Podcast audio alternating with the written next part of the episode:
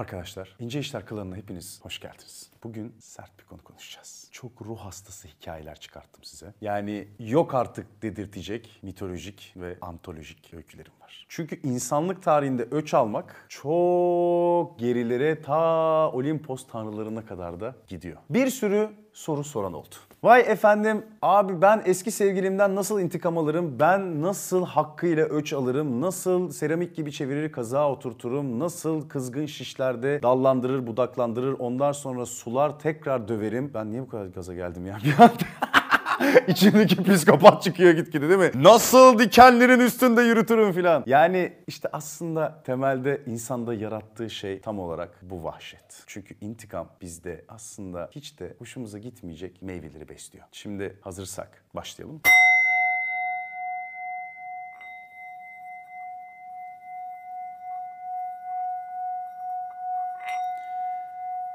Şimdi kendini giderek artan bu sese bırakmanı istiyorum. Derin bir nefes al. Şimdi yavaşça bırak. Bıraktıkça bütün kızgınlıkların, kırgınlıkların aksın. Sesimin sana rehberlik etmesine izin ver. Şimdi derin bir nefes daha al. Bırak. Ve kendini ince işlerin kollarına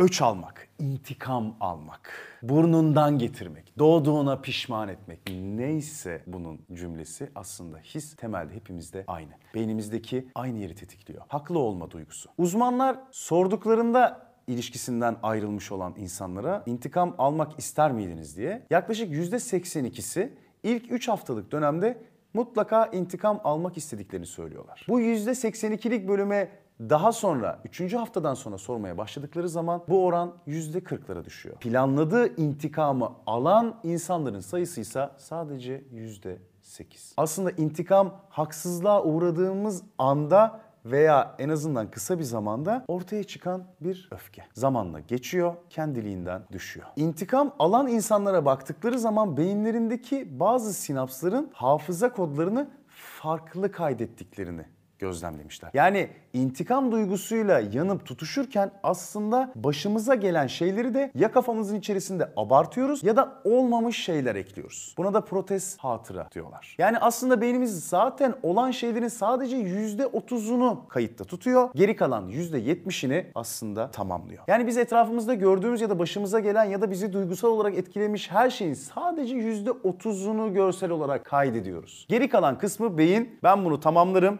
fazla burada yer işgal etmesine gerek yok. Bendeki gigabaytları harcamasın diye aslında kaydetmiyor. İntikam duygunuzu ne kadar çok öne çıkartır, ne kadar çok intikam duygusuyla bunun üzerine kafa yorarsanız beyin o kadar fazla protez hatıra öğretmeye başlıyor. Aslında çok da makul olan ya da senin için o an normal olan hatıraları bile bir intikam unsuru haline getirebilecek kötü hatıralar olarak sana tekrar hatırlatabiliyor. Yani intikam duygusu aslında temelde yaşadığın ilişkinin içerisinde mutlu olduğun anları bile kötü anlara çeviriyor. Adeta kanserli bir hücre gibi. Ben hayatım boyunca hiç kimseden intikam almadım. Birinden gerçekten hakkıyla intikam almak baya mesai. Hem zeka istiyor, hem zaman istiyor, hem o içindeki o nefret ve öfke duygusunun sürekli bir şekilde içine böyle odunlar, kömürler atılarak harlı kalmasını istiyor. Her sabah uyanıyorsun onun ağzına sıçacağım diye düşünsene yani. Psikolojiye bak bunu böyle o anda almayıp hele ki öyle intikam soğuk yenen bir yemektir diyen psikopatlardansan potansiyel seri katil onlar. Çünkü bir öfke ne kadar uzun süre kalabilir üstünde? Yani tabii ki insanlar birbirlerine çok kötü şeyler yapıyorlar da abi bu bir hayatına devam etme meselesi. Ve orada takılıp kalıyorsun tak diye yani. Diyorsun ki bu yaptıklarını ona ödeteceğim. Ödeteceğim ona. O senin beyninde bir hep bir böyle topçuk gibi. Yani onu oradan çıkartmadıkça oraya yeni bir şey de alamıyorsun filan. Çok psikopat bir iş yani intikam. E ama insanın şeyinde olan, özünde olan ve yani çağlar boyunca da getirdiği bir şey. Ben hiç mesela almadım ya da benimle mesela böyle çok soğuk soğuk intikam alınmadı ya da alındıysa da benim çok sikimde olmadı demek ki ki şu anda kafamda değil aslında. Ama intikam hikayelerine baktığım zaman gerçekten kanım donuyor. Mitolojiden birkaç tane anlatacağım. Bu birkaç hikaye anlatacağım. Gerçekten yani Müge Anlı programı gibi ya Olimpos'taki tanrılar.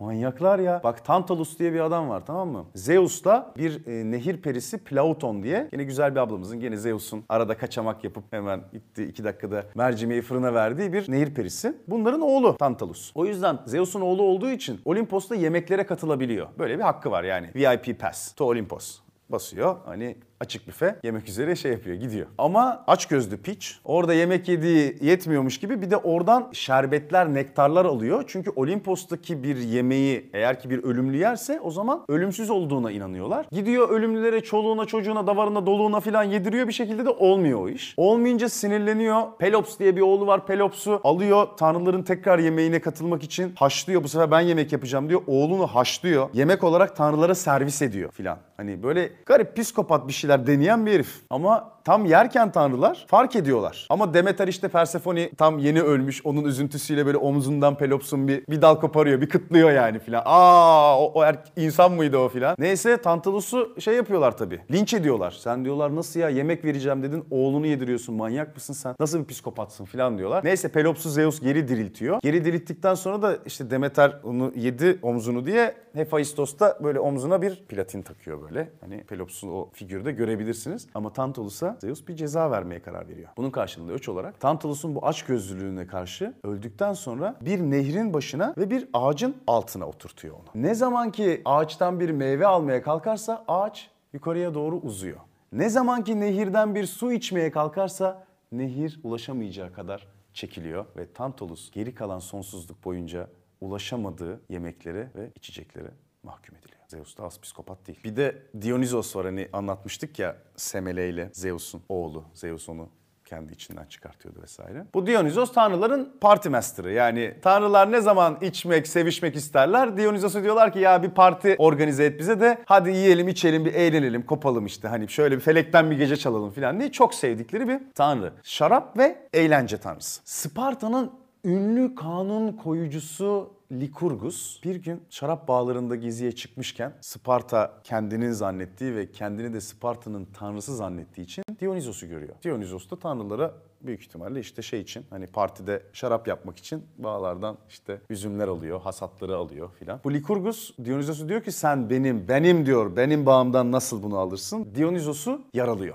Tabi tanrılar diyorlar ki o hacıt sen bizim parti master'la ne alaka ya? Sen nasıl böyle bir şey yaparsın diyorlar. Bu yaptığı şeyden dolayı herife bir lanet veriyorlar. Herif kafayı yiyor ve etrafındaki her şeyi uzayan dallar ve budanması gereken üzüm bağları olarak görüyor. Oğlunu da, karısını da, kendisini de. Oğlunu ve karısını budadıktan sonra en son kendini budayarak feci şekilde can veriyor Likurgus. Ruh hastaları. Çok yaratıcı ama ruh hastalığı. Tam adam psikopat diyorsun. Ondan sonra Tanrı'nın verdiği cezadan dolayı diyorsun ki bu nasıl bir manyaklık? Narsissus'un hikayesini hepimiz dinledik. Nehirde boğulmaya mahkum edildiği, Nemesis tarafından. Şuralarda bir yerde çıkar. Bilmiyorum kim intikam almak istiyor, kim intikam ateşiyle tutuşuyor ya da kim hayatında ne intikam almış bilmiyorum ama iyi bir yere götürmediğini biliyor kesinlikle. Hiç kimseye faydası olmayan bir şey intikam. Motivi evet haklılık olabilir ama yani ne oldu intikam aldın ve o anda o intikamı aldın ve ne oldu yani temelde? Yani ne sana bir faydası oldu ne uzun vadede sen kendini huzurlu hissettin. Oh ne iyi intikam aldın falan. Var mı böyle bir şey bilmiyorum. Bu ne kadar sürüyor? Oh çok iyi intikam aldın falan. Yani bu haz ne kadar sürüyor bilmiyorum ama bir noktadan sonra artık vicdanınla muhasebeye düştüğün anda o senin için bir yük haline geliyor bence. Dolayısıyla affetmek aslında senin o beyninde işgal ettiğin o yeri böyle boşaltıyor. Kabullen. Kabullenmek seni aslında büyük resmi görmeye doğru götürür. Kabullendikten sonra affetmek senin için kolaylaşır. Bir daha başına gelebilir. Bu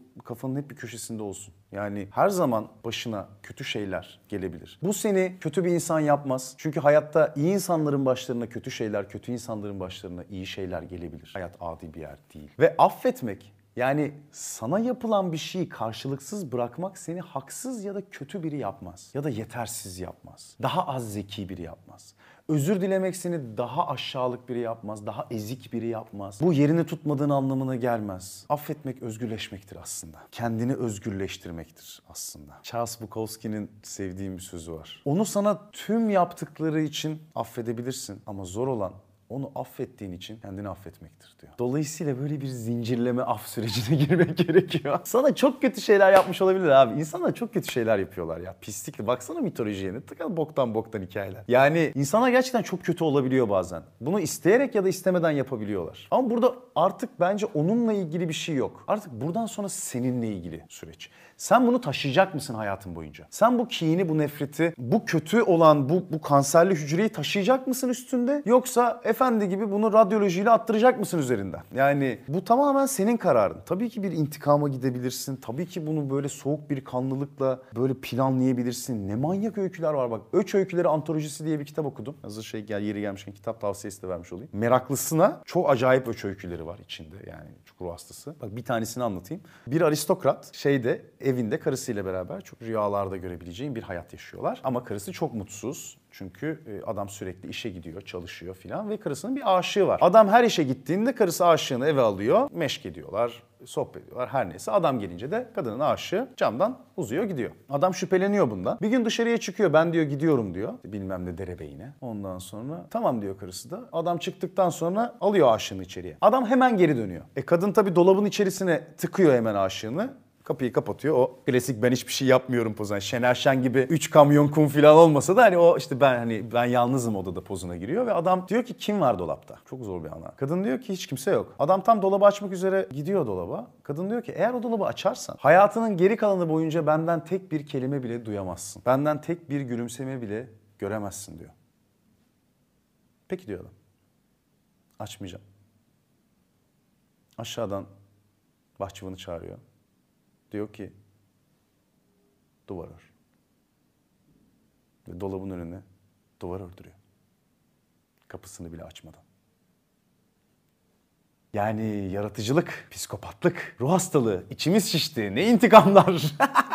Abi bak şimdi bak sana böyle anlattığım zaman nasıl geliyor? Diyorsun ki ya manyaklığa bak yani niye yani filan. Eğer ki şey diyorsan oh be falan diyorsan senin bu kanala değil profesyonel bir yardıma ihtiyacın var büyük ihtimalle. Ama zor bir şeydir. Yani o taşıması çok zor bir şeydir. Benim bazen denediğim oldu mesela kendime yapılmış kötülüklerden dolayı insanlara kötülük yapasım geldiği oldu. Onu çok taşıdığım oldu filan ama bir noktada böyle ağır ve şey bir şey yani mutsuz bir şey abi. Mutsuz bir kere yani. Gülümseten bir şey değil, enerjini yükselten bir şey değil. Hani seni motive eden bir şey ama Sith Lord'u gibi yani. Hep bir karanlık orası. Hep bir böyle dark side ve bence bir kas intikam. Yani her şey bir kas, her davranış bir kas zaten. Yani öç almaya, kin tutmaya kendini alıştırırsan zaman içerisinde bence o kini tutarsın yani. Ve o bir kastır ve ondan sonra belki öyle görmeye başlarsın. Bilmiyorum. Bence intikam öfkenin uzun maraton koşabilen hali. Yani hani öfken böyle hiç şey yorulmadan koşabiliyorsa bence intikama. Yani öfkeyle kini çiftleştirdiğin zaman doğan çocuk bence intikam ismi. O öfke neden çıkıyor? Haksız lık yapıldı bana. İnsan insana bunu yapar mı? Filan gibi şeylerden çıkıyor ama o böyle bir şey yani yorulmadan koşması gereken bir şey. Bu arada hani affetmek bu arada seni de geliştiren bir şey bence. Yani bir nefsinle olan mücadeleden galip çıkmak affetmek aslında. Çünkü o kabullenişi yapabilmek yani bu